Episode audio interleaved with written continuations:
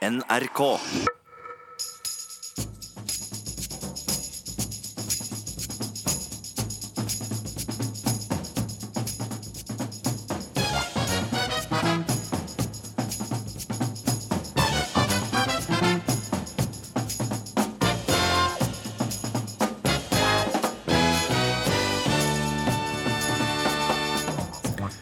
Fotball-VM er godt i gang, men Damebladet er lei av at kvinnene blir statister i fotballmesterskapet. Jeg vil jo sitte på kontraskjæret og drikke øl og rope og klemme folk jeg ikke kjenner og synge sanger jeg ikke kan. Det er jo det som er fantastisk med fotball-VM. Skolene må være tydelige, tydeligere om barnas sosiale mediebruk, mener skuespiller Arne Dahl Torp. Det er foreldrene som har ansvaret, svarer rektor. Musikkvideoen om den lykkelige fylkessammenslåingen i Trøndelag har blitt sett mer enn en halv million ganger. Folk fra hele landet spør hva som skal til for å bli trønder etter å ha sett videoen.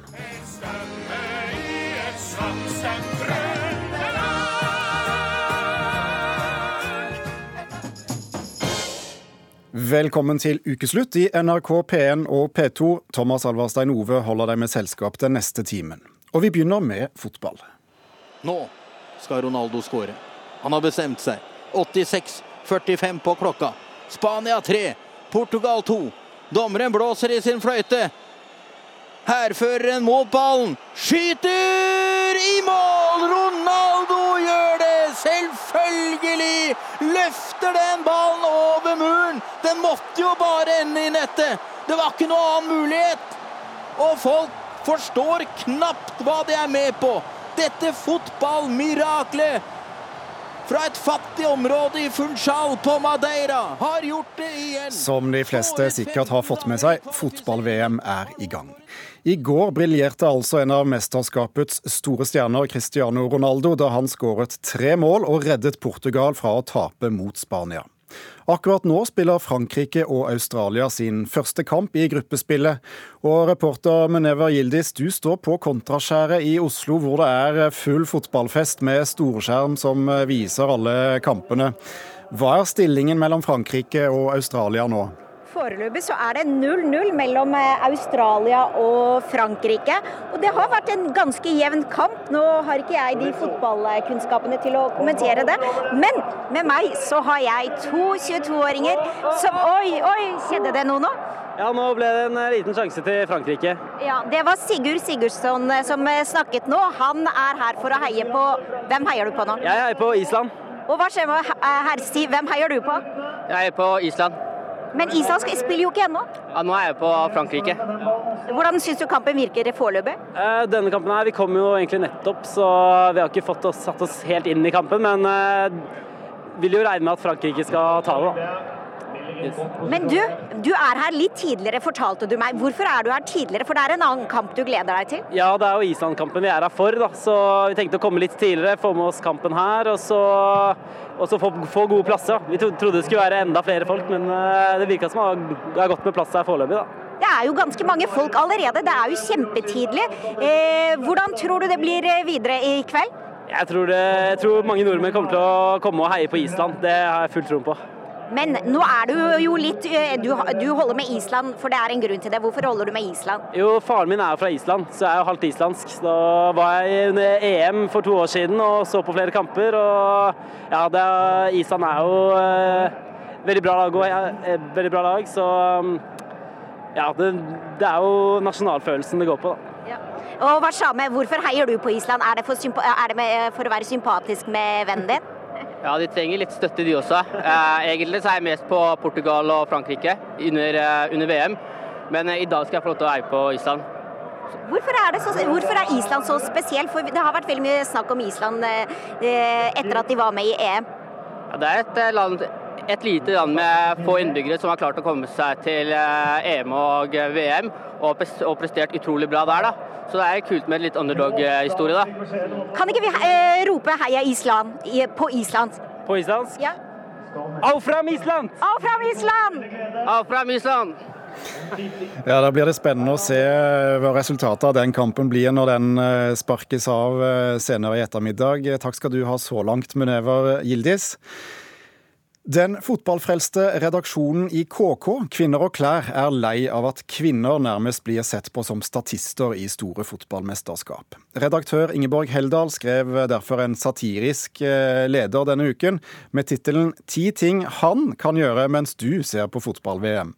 For er det én ting som er sikkert, så er det at også kvinnene skal være med på fotballfesten. Det blir gøy i kveld. Ja da.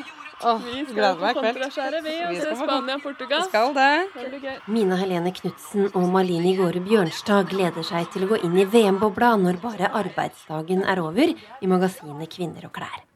Det nytter ikke akkurat å smugtitte på VM-kampene i det åpne kontorlandskapet, men Men det er, at det er rom for å, eh, å se på sport i arbeidstida i KK. sier redaktør Ingeborg Heldal. Mina fant sitt favorittlag for to år siden. Vi var jo en jentegjeng på tur i Portugal for to år siden, når Portugal vant EM. Uh, og vi havna jo midt i kaoset i Lisboa, og det var jo folkefest eh, fra morgen til kveld. Uh, vi så uh, kampene som ble spilt på storskjerm, vi drakk øl, vi ble kjent med lokale folk. Det var dødsgøy, så jeg liksom gleder meg litt til å kanskje få den følelsen igjen eh, her, da. Ja, da får, vi kommer jo til å få et problem utover i mesterskapet, for min fotballkjærlighet eh, heller jo mot sånn spillemessig helt andre holdet. Jeg elsker jo Tyskland. Jeg liker jo det tyske kollektivet, den sånn kjølige tilnærminga til, eh, til fotball, hvor, hvor ingen eh, enkeltspiller er større enn en laget, og hvordan, hvordan det er sånn smarte fotballstilen når de Mannschaft ruller seg oppover banen og bare feier unna dramatikere fra Sør-Europa. Det elsker jeg. Venstre, en Et Ja, ja, god stemning, da, i hvert fall. Vi åpner eh, VM med, med et eh, glad Russland. Det er jo bra. Ikke noe å si på fotballinteressen i KK-redaksjonen, men det er altså ett aspekt ved fotball og store mesterskap som de irriterer seg over. Og så har vi i KK sett oss litt lei eh, på at jenter alltid skal liksom bli avspist med sånne statistroller i store idrettsmesterskap. Og der har jo kanskje ikke magasinbransjen, kvinnemagasinbransjen gjort seg sjøl noen tjenester heller. Senest i går så, så jeg Vogue hadde lagt ut saken sånn 15 digge grunner til å se på fotball-VM. Som provoserer meg enormt. At vi skal redusere idrettsprestasjoner til utseende uansett kjønn. Og da tenker jeg hvis et herremagasin hadde gjort det samme om eh, håndball-VM for kvinner, hadde blitt ramaskrik. Jeg syns det er gammeldags og fordummende. Jeg til og med leste en gang liksom, ja, prøv å ta på deg 60 undertøy og still deg foran TV-skjermen, kanskje du får oppmerksomhet. Jeg syns det er så dumt. Vi vil jo være med! Vi vil jo ikke drive og vake rundt i stua i undertøy etter å ha bakt boller mens Spania spiller mot Portugal. Jeg vil jo sitte på kontraskjæret og drikke øl og rope og klemme folk jeg ikke kjenner og synge sanger jeg ikke kan. Det er jo det som er det fantastiske med fotball-VM. Derfor skrev Heldal sin satiriske kommentar ti ting han kan gjøre mens du ser på fotball. Som å klippe plenen, vaske bilen i bar kasse, rydde boden eller servere Prosecco og sjokoladedekte jordbær til gjengen som ser på VM. Nei, vi så jo det når vi la ut kommentaren til Ingeborg på Facebook. Vi har jo over 90 000 følgere. Det er så gøy å se hvordan de reagerer. For her tagger liksom eh, damene tagger mennene, og mennene tagger damene. Og gjerne gjør nummer fire på lista. Det her er helt fantastisk. Det var ei som skrev her Endelig en god artikkel. Ikke alltid det er mannen som bare elsker fotball. Her i huset det er faktisk akkurat det som blir beskrevet i denne artikkelen. Sant. Og så har de tagga mannen, da. Det er Mina som har ansvar for sosiale medier i KK. Også kontorlandskapet har noe preg av fotballinteressen. Zlatan tjener som skjermsparer på PC-en til Malini. Hun savner både han og Italia i årets VM. Til tross for at jeg hater filming, så er det veldig gøy å kritisere det italienske laget når de filmer og filmer og filmer. og eh, ja, Selv om jeg ikke har 100% koll på fotball og offside-regler og eh, hele den pakka der, så er det liksom man ser når det er skuespill, og det er liksom en del av moroa, da, å være med på liksom ta det italienske laget. Men eh, Gir det noe spor i magasinet, da? Skriver dere noe om fotball-VM? Ikke i printmagasinet, fordi det handler om trykketid og sånn. Så eh, men på nett så kommer du til å lese om ulike saker om fotball-VM mens det pågår hver eneste uke. Alle må følge med, fordi eh, i dag så leste jeg at eh, svenskene får flydd inn damene sine til mesterskapet. Tyskerne de får total damenekt. Så nå må vi følge med. Hvem gjør det? Hvem tror dere gjør det best? Sverige eller Tyskland? Reporter Linn Bate Gabrielsen møtte glade damer i KK. En elleve år gammel jente legger ut et bilde av den nye kjolen sin, uten å få noen bekreftende likes. En tolv år gammel gutt oppdager gjennom smarttelefonen at kameratene spiser pizza uten ham. Sosiale medier og en pålogget tilværelse gjør at barn og unge i dag kan oppleve nye former for utenforskap. Dette opprører skuespiller Arne Dahl Torp, som skrev om sin bekymring i Aftenposten. Hun savner at skolen kan gi tydelige råd om barns bruk av sosiale medier. Torp møter straks rektor til debatt, men før det skal vi bli med reporter Kari Li ut og høre hvordan barna bruker alle disse appene. På Snapchat har jeg skrevet at jeg ble født i 2000. Det er vel ikke helt sant? Nei. Men uh, jeg fikk uh, Snapchat uh, etter nesten alle vennene mine, da. Og da var du Da var jeg mm, kanskje sånn tolv. Alva Pedersen er 14 år og har allerede flere års fartstid på sosiale medier, selv om aldersgrensa der er 13 år. Men aldersgrensa på Snapchat, Instagram, Jodel og YouTube er det svært få som følger, mener klassevenninna Lone Mæland. Så jeg husker at jeg tror jeg var sånn tolv-ish, og da hadde jo de fleste Snapchat. Men sånn, Snapchat har jo lagt inn som funksjon at du skal skrive inn hvor gammel du er, og der er du 13-årsgrense. Så jeg husker at jeg laga en bruker først, der jeg skrev min vanlige alder, da. Og siden jeg var tolv, så fikk jeg bare sånn Du er ikke gammel nok til Snapchat-ting. Så derfor så måtte jeg lage en ny bruker der jeg skrev at jeg var ett år eldre, for å komme meg inn. Så jeg tror det var ganske mange som gjorde det, da. Så, men jeg føler på en måte at det var et press på at man måtte liksom ha det for å være litt sånn kulere. Og alle hadde liksom, og da var det mye kulere å ha det. Andal Torp er jo bekymra for at uh, barn skal oppleve at f.eks. noen i klassen da, sier at de skal på fotballtrening, men så er de egentlig å spise pizza sammen. Har du opplevd noen sånne situasjoner sjøl? Eh, ja. Noen skulle på shopping og sånn, og så var det sånn Nei da, vi er bare hjem. Og så dro de liksom uten å fortelle og sånn, da. Men så man føler seg jo litt sånn utafor, da.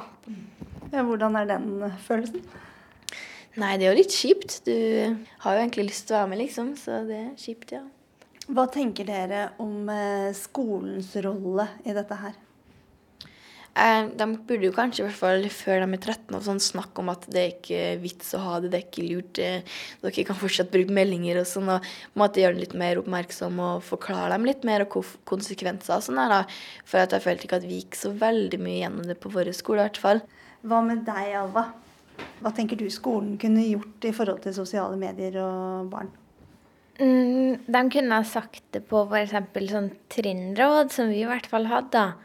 At uh, man måtte passe på hva man gjorde der og sånn. Men egentlig så føler jeg at det er mest opp til foreldrene, for skolen har jo ganske mye annet å holde styr på. Skuespiller Arne Dahl eh, Torpe, hva slags reaksjoner har du fått på det du skrev? Jeg har fått uh, veldig mye positive reaksjoner. For det er uh, jeg har fått inntrykk av at uh, folk diskuterer det her opp og ned i mente på omtrent hvert eneste foreldremøte når de kommer litt opp i barneskoleårene. Eh, og at eh, veldig mange foreldre er usikre på hvordan de skal forholde seg til det. Jeg tror skolen syns det er vanskelig. Så det er, dette er jo et forsøk på å få i gang en nasjonal, global samtale. Fordi jeg opplever at vi mm. snakker for lite om det. Folk kan synes at det er mye tjat. Men dette er jo et forsøk på å komme et helt konkret forslag da, til eh, en måte som kan lette en liten del av dette utrolig store temaet. Ja, for Hva er det du frykter at den nye påloggede hverdagen gjør med barn som vokser opp i dag? Nå har jeg prøvd å avgrense det veldig, fordi hvis man skal liksom eh, tenke på hele den påloggede hverdagen eh, Så akkurat det jeg tenkte på nå, det var barn på barneskoletrinnet. Bare det. Og bare sosiale medier. Ikke liksom hele den store alt man sitter oppe i skjermen og lever gjennom der, men liksom eh, de sosiale mediene. For der er det eh, Hvis jeg forestiller meg meg selv da, som eh, barn også tenåring, en sånn hverdag der du kan se hva de andre holder på med til enhver tid. For det er en sånn tid med genuin rastløshet, usikkerhet, hele tiden. Um, og det der, når, når, jeg liksom virkelig tok den tanken innover meg at For jeg satt jo og tenkte ofte de andre gjør sikkert noe gøy. Og når du da kan se alt det gøye folk gjør, så skaper det en sånn utrolig Som du ikke er mm. med på. Så skaper det en konstant uro. Og når det kommer inn til deg, også opplevelsen hvis du er et barn som er utestengt på skolen, eh, eller en som tror du har det fint, så kan du plutselig bli utestengt fra gruppa. Du kan bli mobba til enhver tid. Hvilken... Det er et uinnskrenket rom. Og Hvilken rolle mener du da skolen bør ha i, eh, i den eh, problematikken? Det jeg tenkte, eh, eller det kom egentlig kom, ja, Det ble, var noen som luftet det på et foreldremøte, at kunne skolen hatt en holdning til dette her? Nå er det veldig stor forskjell på en holdning og en bestemmelse. Men hvis skolen uttrykte helt tydelig til alle foreldre, barneskolen som vi snakker om nå, vi ønsker ikke at våre elever er på sosiale medier. Da ville det være en ting som foreldre kunne si til barna når det spørsmålet kommer. Vet du hva, Skolen ønsker ikke at dere skal være der. Og da tror jeg at færre barn eh, ville komme på det i førtid. Eh, for jeg tror ikke det er så mange foreldre som har et sterkt ønske om at 11-åringen deres skal være på Snapchat. Mm. De som vil det, kan fortsette. Bjørn Bolstad, du er rektor på Ringstadbekk ungdomsskole i Bærum og har tidligere vært aktiv i Skolelederforbundet og blogger om skolehverdagen. Hvor mye ansvar eh, mener du skolene bør ta her? Eh, skolene er åpenbart en part. Først vil jeg si at jeg er veldig enig med, med Torp. Jeg syns hun gir gode beskrivelser. Jeg tror problematikken er veldig, veldig godt beskrevet. Um, og uh, skoleledere og Skolelederforbundet ønsker selvfølgelig et godt samarbeid mellom skole og hjem. Det som kanskje er problematikken, eller, eller grensesnittet her, det er jo hva skolen skal få ansvaret for. Og, hvilken, og det sier i seg også Andal ganske tydelig. Hun sier at en, uttrykkende holdning er noe annet enn en regulering eller, eller, eller ja, hva, hva, gjør det vanskelig for en skole å, å tydeliggjøre en holdning? Det er ikke vanskelig. Mm. Og mener, jeg, altså jeg, mener at jeg selv gjør det på min skole. Jeg tror mange gjør dette. Eh, vi sier dette på foreldremøtet alle når vi har dem fra syvende trinn, at eh, vi ønsker at elevene ikke skal være på Snapchat. Vi ønsker at de skal ta alle mobiltelefonene ut av rommet når elevene skal sove. For barn og mobiler trenger å lades, men hver for seg. Eh, så dette er vi ganske, Men om foreldrene oppfatter dette som en holdning, så kan godt skolen også ha aksjoner eller markere dette på hjemmesidene sine eller hver gang nevne det. Det er, det er et godt forslag, og det er, det er, fullt mulig. Jeg er litt usikker på hvor mye hjelp, hvor, hvilken betydning det vil ha. Eh, der tror jeg at Arendal Torp har eh, større forhåpning enn det jeg har til hvilken betydning det vil ha. Ja, Hvorfor er det ikke foreldrenes ansvar, dette? Det er foreldrenes ansvar, og det er foreldrenes valg. Eh, men, eh, og jeg er veldig Jeg observerer liksom tendensen til at eh, skolen skal gripe inn og hjelpe til der foreldre syns det blir vanskelig å oppdra barna sine. Der skal skolen komme på banen. Det er jeg virkelig ingen tilhenger av. Men det her syns jeg er et sånt naturlig område. For det er ikke snakk om, det vil ikke kreve noe arbeid fra skolens side. De skal ikke håndheve noe. De skal ikke gå liksom og følge med på om elever er på sosiale medier eller ikke. De skal kort og godt uttrykke en holdning. Det er ganske enkelt. Når det er gjort, så er egentlig skolen sånn sett ferdig eh, med saken. Um, og jeg mener at det også er liksom i skolens egen interesse, fordi eh, sosiale medier er en del av det sosiale livet. Og idet det er en del av det sosiale livet, så påvirker det også aktivt livet på, oss i skolegården hver eneste dag for elever og ansatte. Undersøkelser viser at konflikter blant jenter har blitt hyppigere og mer alvorlige etter at sosiale medier kom. Det her er noe lærerne står oppi. ikke sant? Eh, og man har ingen utenfor-plakaten, som veldig mange barneskoler opererer med. Det faller naturlig inn under den. Og idet man har en anbefalt aldersgrense, som er 13 år, fra leverandørene av de sosiale mediene, som Barneombudet, eh, Medietilsynet slutter seg til, så syns jeg at en barneskole har Majoriteten av elevene er under 13. At de bare oppfordrer vi ønsker at dere følger aldersgrensen. Det er helt naturlig. Bolstad, Det sosiale livet på skolen bryr jo skolene seg om. Eh, og, og disse duppedittene folk nå har, er jo også en del av det sosiale livet. Hvorfor ikke være mer eh, konkret og aktiv i, i forhold til eh, smarttelefoner? Jo, men Det er vi, og det kan vi absolutt være. Og Skolene kan gjøre mye mer enn det Torp nevner. Og det tror jeg også skoler gjør. Ehm, vi driver opplæring i digital dømmekraft, eller digital folkeskikk, som jeg liker å kalle det. Og Det er det mange skoler som begynner med. på min egen skole har vi gjort det på ulike måter. Og igjen, vi merker at særlig på åttende trinn, hvor de er 12-13 år, da er det viktigst å gjøre det. Når de blir litt eldre, så er det ikke så, ikke så viktig. Men det er klart at dette kan skolene, og etter hvert skal skolene gjøre. Um, og Vi kan gi sånne moralske signaler, vi kan snakke om dette med enkeltsaker, og vi griper selvfølgelig inn i sånne saker som dreier seg om krenkelse og, mobbing. Det er eh, vesentlig. Jeg synes Det er to andre momenter som jeg kan bringe inn i denne sammenhengen. og det ene at Denne aldersgrensen på 13 år det er jo en, en, en sånn uforpliktende en aldersgrense som noen bare har funnet på. Mm. Eh, og Det er jo en helt meningsløshet, det hører vi også her. De, eh, og Man kan jo stille spørsmålet skal man ha noen sterkere restriksjoner. Vi er vant til i dette landet at, at ungdom får ikke lov til alt mulig. Man må være 18 for å kjøpe øl. Skal det være noen begrensninger der? Andre spørsmål er hvor er disse som selger dette? Hvor er tilbyderne? Hvor er de som gjør det mulig? Hvor er Telenor i denne debatten her? Det høres jo ut som eh, noen skoler tenker litt, iallfall. Absolutt. Og jeg vet, at, eh, jeg vet, at, skolene tenker, og det er jo også foreldre som har meldt eh, tilbake at jeg opplever at skolen har en holdning. ikke sant?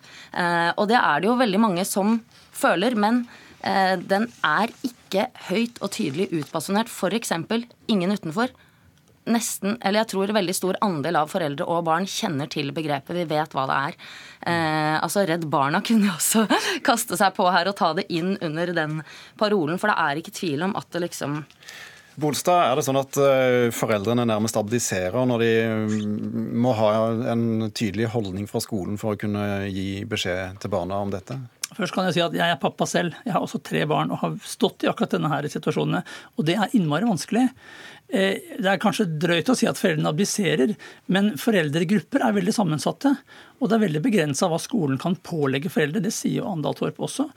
Og det er veldig ulikt hvordan de agerer. og Jeg har opplevd akkurat det samme selv. Og man må kanskje være den litt sære og litt rare foreldreparet som sier at eh, nei, kjære datter, du får ikke ha dette her ennå, for det, det tror vi ikke er så lurt.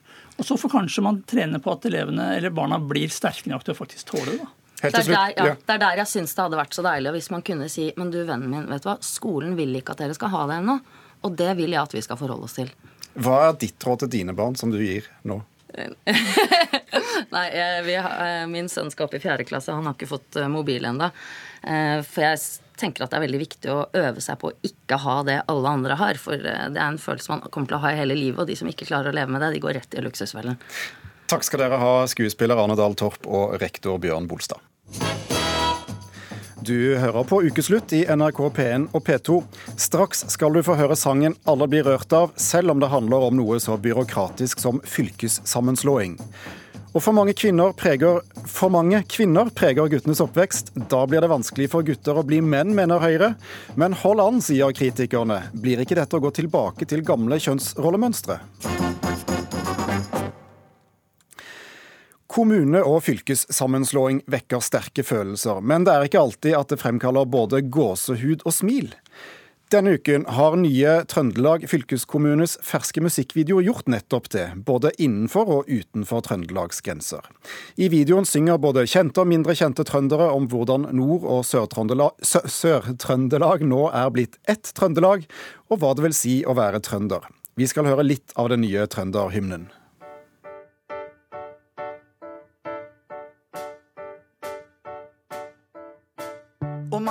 Hodet mitt på mange plasser og latt meg styre av for mange kompasser. Om jeg har ramla sammen, falt ned, har jeg reist meg opp for det. Om jeg har drømt meg bort til rota festa, har ikke dratt min kos, men blitt ved lesta. Om jeg har famla gæli av sted, er jeg her jeg er med. Og er man sammen, blir man enda større. Å flytte grensa handler om å tørre. Tørre å stå sammen som man er. Jeg er trønder. Et eple rett ved stammen skjær meg over samme kammen. Jeg er trønder. Er sammensatt og sammenslått på samme drømmelag.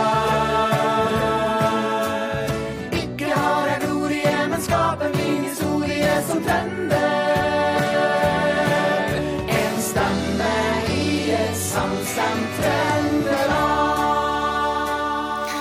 En smakebit av sangen 'Trønder', som er skrevet av Mats Bones og Kyrre Havdal.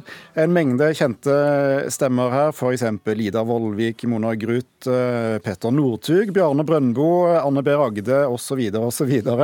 Fylkesordfører i Trøndelag, Tore O. Sandvik. Det er du og fylkeskommunen som har samlet denne buketten og bestilt videoen fra Bære kommunikasjonsbyrå. Hva ville dere oppnå med det? Nei, Det viktigste, og det syns også de har fått til veldig bra, er jo å vise frem at uh, vi er mangfoldige i Trøndelag. Vi har jo samla nå Trøndelag etter uh, 214 års atskillelse. Det var jo den uh, gale danske kongen Kristian 7. som delte Trøndelag i 1804. Og vi har på en måte lengta sammen ganske lenge. Fordi vi deler identitet, vi deler næringsgrunnlag. Vi har mye felles visjoner og, og drømmer om hva vi ønsker å oppnå. Eh, og da eh, var det viktig når vi nå slo sammen fylkene, å bygge et grunnlag for det også kulturelt sett, for å få startskuddet da, på den jobben som egentlig gjenstår, da, og gjøre Trøndelag enda mer gjeldende for å bygge et dansegulv til folk i Trøndelag, så de kan danse livene sine på en god måte. Så det har faktisk vært en, en, en tvangsseparasjon, skal vi kalle det det, da, disse 200 årene? Ja, så må jeg jo innrømme selvfølgelig at det er jo deler av eh, kanskje spesielt i Nord-Trøndelag som var fornøyd med den separasjonen. Så det var ganske stor debatt her òg. Det har ikke vært en helt harmonisk sammenslåing som mange skal det til. Men vi har brukt veldig mye tid på eh, når vi fatta vedtaket og kom sammen. Og mange av dem som var motstandere, de har virkelig bretta opp ermene etterpå og vært med på og vært konstruktive eh, i den jobben som gjøres med å bygge felles kultur. fordi at vi, vi tenker jo at, eh, som de synger i sangen, at når vi da er samstemt, så så høres vi mye bedre rundt omkring i Norge. Men vi hadde ikke drømt om at vi skulle høres så godt som den sangen her har fått til. da. Altså, i, eh, I sosiale medier eh, spør folk fra hele landet hvordan man kan bli trønder etter å ha sett dette.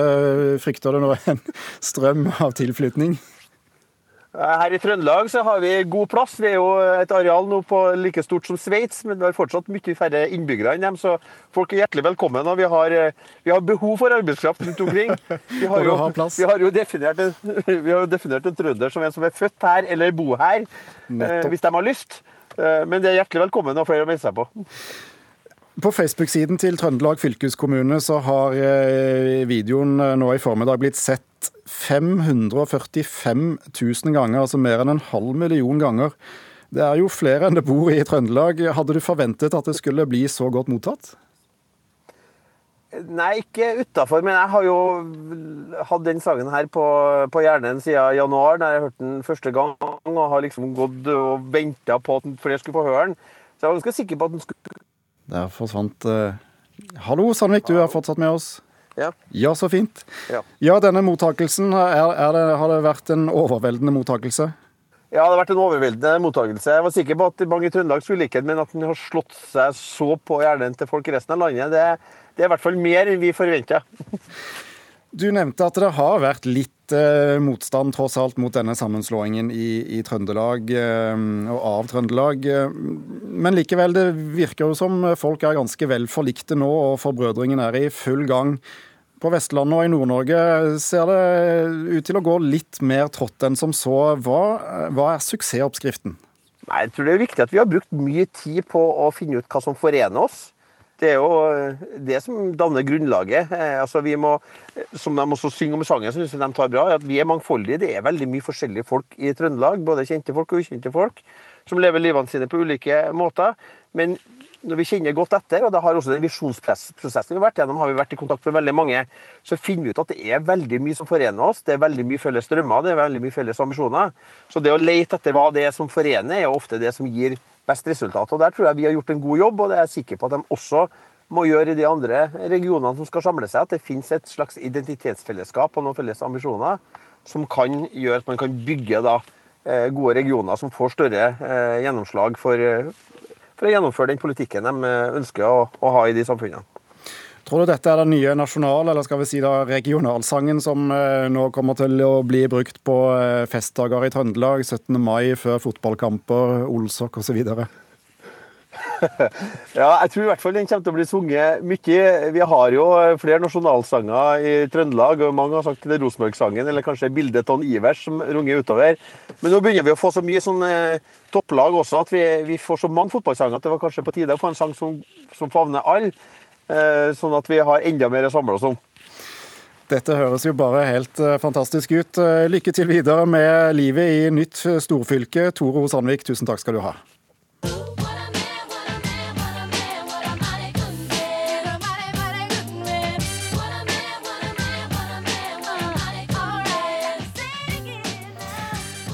Høyre vil gjøre det enklere for gutter å bli menn. Partiet er bekymret over at guttene topper flere problemstatistikker. De har størst frafall i skolen, de får oftere spesialundervisning enn jentene. De havner i større grad utenfor arbeidslivet og tar oftere livet sitt. Dette skyldes at guttene har altfor få mannlige rollemodeller i oppveksten, mener Høyre, som nå har meislet ut ny politikk for å hjelpe dem. På Instagram eh, la barneminister Linda Hofstad Helleland ut eh, et eh, kampanjebilde av to skitne gutter, blide sådan, på fotballbanen med teksten 'Gutter trenger mannlige rollemodeller'. Tage Pettersen i familiekomiteen på Stortinget for Høyre, du har vært med å utforme den nye gutte- eller skal vi si mannepolitikken til Høyre sammen med barneministeren. Dere vil løse disse problemene med en såkalt mannfolkprat. Hva går det ut på? Har aller først lyst til å si at det handler ikke om at vi ønsker at gutter skal bli menn, men det handler om at vi ønsker at gutter skal ha alle muligheter til å bli eh, trygge mennesker gjennom eh, oppveksten sin. Eh, og så kan vi for så vidt også med en gang legge oss flate og si at dette bildet som ble brukt på sosiale medier, nok ikke var det beste, og derfor har vi bytta det i ettertid. Men det handler jo om at veldig mange gutter vokser opp uten mannlige rollemodeller, både i familien, i barnehagen og i skolen, ganske langt opp i skoleløpet.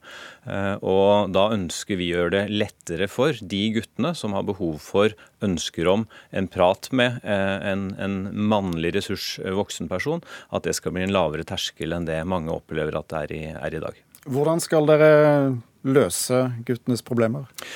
Eller få flere menn inn i disse yrkene, er kanskje spørsmålet da. Ja, og det er jo kanskje den største, største, utfordringen. Eh, det er gjort mye de siste årene i forhold til å få flere mannlige til å søke utdanning innenfor barnehagesektoren og senere jobb der.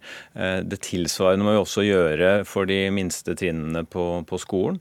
Eh, og så handler det også om tittelbruk, og, og Sykepleierforbundet har jo nå for kun noen få uker siden endelig klart å enes om en ny tittel som de vil bruke bruker på, på skolehelsesøster, som selvfølgelig er en barriere eh, alene i forhold til å få gutter og menn til å søke den type utdannelse i dag.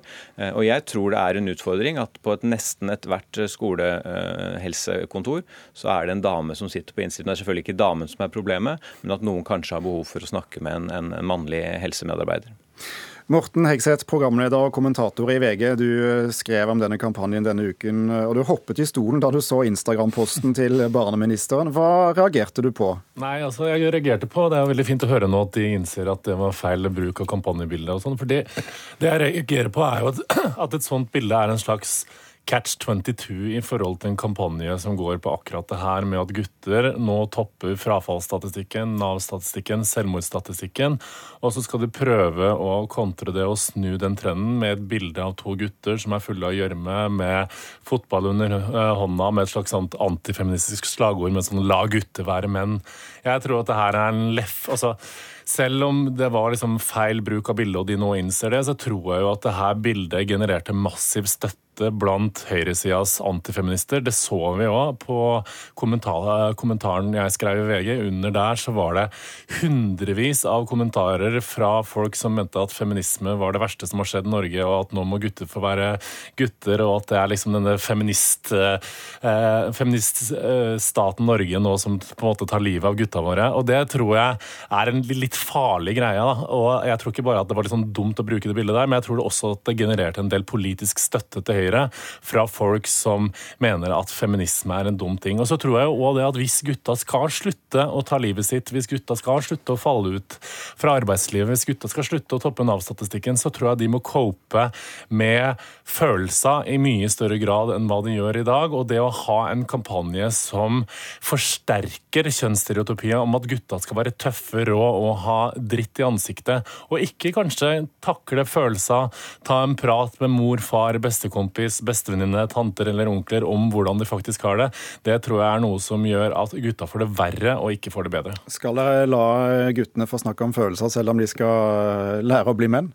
Absolutt skal gutter få snakke om følelser, og jeg tror faktisk veldig mange gutter har eh, behov for å snakke om følelsene med en mannlig voksenperson. og Det er jo det dette handler om, å senke terskelen for at eh, gutter skal ha noen de kan kontakte for å snakke om de utfordringene de har. Og når vi vet f.eks. at helsestasjonene i, i, i, bydel Gamle Oslo, eh, av 1000 besøk så er det 6% som er gutter. Og jeg tror ikke gutta som vokser opp i den bydelen har mindre behov for å oppsøke den type tjenester, men jeg tror de, de, de, de savner, mangler faktisk en som de identifiserer seg med, og som de tør å banke på døra for å, å snakke om. Og Det er jo det som er viktig. Og så, så igjen tilbake til bildebruket. Ja, eh, vi skulle veldig gjerne vært det foruten. På en annen side så har det bidratt til at vi nå faktisk har fått en debatt om hva det egentlig er vi mener og legger til grunn i, i denne politikken, eh, når vi sier at, at, gutter skal få flere muligheter til å bli trygge, gode mennesker. Men, ja, Hegseth. Jeg må jo også si meg litt enig med Arbeiderpartiets Torstein Solberg her. at Jeg veit ikke helt om løsninga på at gutter skal få det så innmari mye bedre, er en obligatorisk samtale men med en annen mann. Altså Det blir litt som han Solberg sier, et sånn lettbeint symbolpolitikk for å vise at se her, vi bryr oss om gutta. Jeg tror heller på at for å løse de problemene her, så tror jeg at vi burde liksom hatt eh, altså økt rekruttering selvfølgelig til lærer, til barnehage, til psykiatrien, til helsesektoren. Og så tror jeg også at vi må jobbe for å gjøre disse yrka mer attraktive for, eh, for menn, fordi det er yrker som i dag er eh, forbundet med feminine verdier, med at kvinner er der. Så jeg tror at vi heller tar liksom, og kjøre en kampanje på å rekruttere menn i de såkalte kvinneyrkene. Selvfølgelig også øke lønna der, som gjør det mer attraktivt for å få Ja, for Hva er da virkemidlene dere politikere kan lokke med? Blir det mannekvotering nå?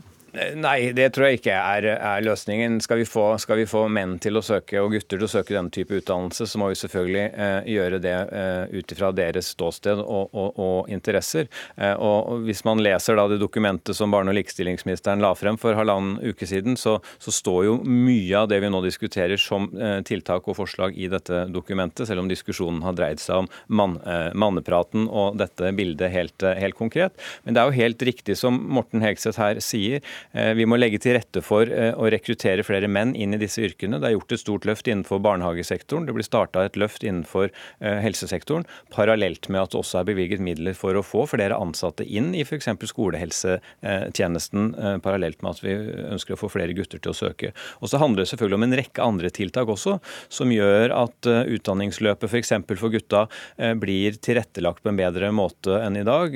Mindre teoritunge yrkesfag, større fleksibilitet mellom teori og praksis ute i bedrift, som noen eksempler. Eh, sånn at vi sørger for et godt og trygt eh, oppvekstmiljø for gutta fra de er små og til de er ferdig med videregående skole. Tror du alt dette Hegseth, vil eh, lokke flere menn til å, å stille opp? Eh, jeg tror det er en bra start. Og jeg må jo si det at Helleland er jo den høyrepolitikeren som eh, jeg blir mest sjarmert av, og som jeg syns har innmari stor gjennomføringsevne både på når det kommer til ungdoms- og barnepolitikk, men også hva angår liksom kampen om sosiale medier i dag. Så jeg har trua på Høyre på det her. Men jeg må også si det at jeg, bare jeg får litt vondt i magen på vegne av det flertallet av kvinner som i alle år har jobba i hjel seg i skole, helse og undervisningssektoren for å få våre barn og unge til å få en fin hverdag. Og så går Høyre ut med en slags politikk med at grunnen til at folk nå sliter, er fordi at de trenger en obligatorisk samtale med en mann. Dette handler overhodet ikke om alle de flotte kvinnene som gjør gode, viktige eh, eh, funksjoner i disse tjenestene i dag, men det handler faktisk om at noen av gutta eh, faktisk eh, kanskje har behov for å møte en mann for å helt tatt banke på døra til skolehelsetjenesten, så skal selvfølgelig damene fortsatt være der. Og hvis gutta vil besøke den kvinnelige ansatte i skolehelsetjenesten, så skal de selvfølgelig få lov til å gjøre det. Men det valget mener vi at guttene må kunne få lov til å ta, for å få flere av de til å benytte de tjenestene Da som faktisk tilbyr. tenker jeg at det er litt feilkommunisert fra deres side. Så tenker jeg også at selv om dette er en sånn tabbe med både kampanjebildet og kanskje måten dere har snakka om det på, så tror jeg jo at også dere er klar over at dere gagner en god del politisk støtte fra den delen av høyresida som ikke nødvendigvis har stilt seg bak likestillingskampen i alle de år. Du skal få svare kort på Men det da, til slutt, da, da, da håper jeg Morten Hegseth så den flotte kronikken som jeg og ni eh, mannlige stortingskollegaer ja, skrev i Dagbladet forrige lørdag i forbindelse med nettopp likestillingslovens 40-årsjubileum. Det viktigste er at denne debatten er i eh, gang. Takk skal dere ha, Morten Hegseth, kommentator i VG, og Tage Pettersen, eh, familiepolitiker i Høyre. Vi har jo allerede vært innom eh, fotballfesten på eh, Kontraskjæret her i Oslo en gang denne sendingen, men eh, vi skal tilbake til vår eh, reporter Munever Gildis. Og eh, der er eh, folket i gang med å se kampen mellom Frankrike og Australia som går mot slutten. Hvordan eh, ser stillingen ut nå, da? Åh, nå er det skikkelig spent stemning her, for det har eh, blitt 1-1 eh, i kampen. Og så er det jo ca. 13 minutter igjen til kampen er over. Jeg står med en lystig gjeng her som er eh, norsk-franske. De har på seg parykker i franske farger, fransk flagg på skuldrene. Du, Felix, hvordan, er, hvordan føles det nå? Du sa du følte på en frykt. Nei, det er veldig, veldig skummelt akkurat nå, for det Australia har nettopp utlignet. Men eh, siden det er eh, 22 minutter igjen, eh, så tror jeg fortsatt det er god nok med tid for å ta det igjen og slutte den kampen her rundt 3-4-1. Så jeg tok feil, altså. Det var ikke 12 minutter, men 22 minutter igjen. Nei, men alle kan ta feil. Det er ikke noe problem. Men da betyr det at det, det kan skje veldig mye innen disse to- 22 minuttene. Ja, vi regner med, vi regner med at Frankrike de lik, Franskmenn liker jo å starte alt med litt sånn konflikter og sånn før før de blir enige og blir venner igjen. Så nå mot slutten så kommer de til å finne hverandre og skåre mål, og alt kommer til å ende som en eh, god fransk kjærlighetshistorie. Altså, det er fire kamerater her, og en av dem det er deg, Theo Sole. Du, hvorfor heier du på Frankrike? Nei, altså jeg har jo en eh, fransk mor, og ja, altså Frankrike det er, i, det er i blodet helt siden vi er født, og da blir vi lært opp til å, til å heie på et eh, veldig godt lag. Så no Norge kan vi uansett ikke heie på, så da, da må det bli Frankrike.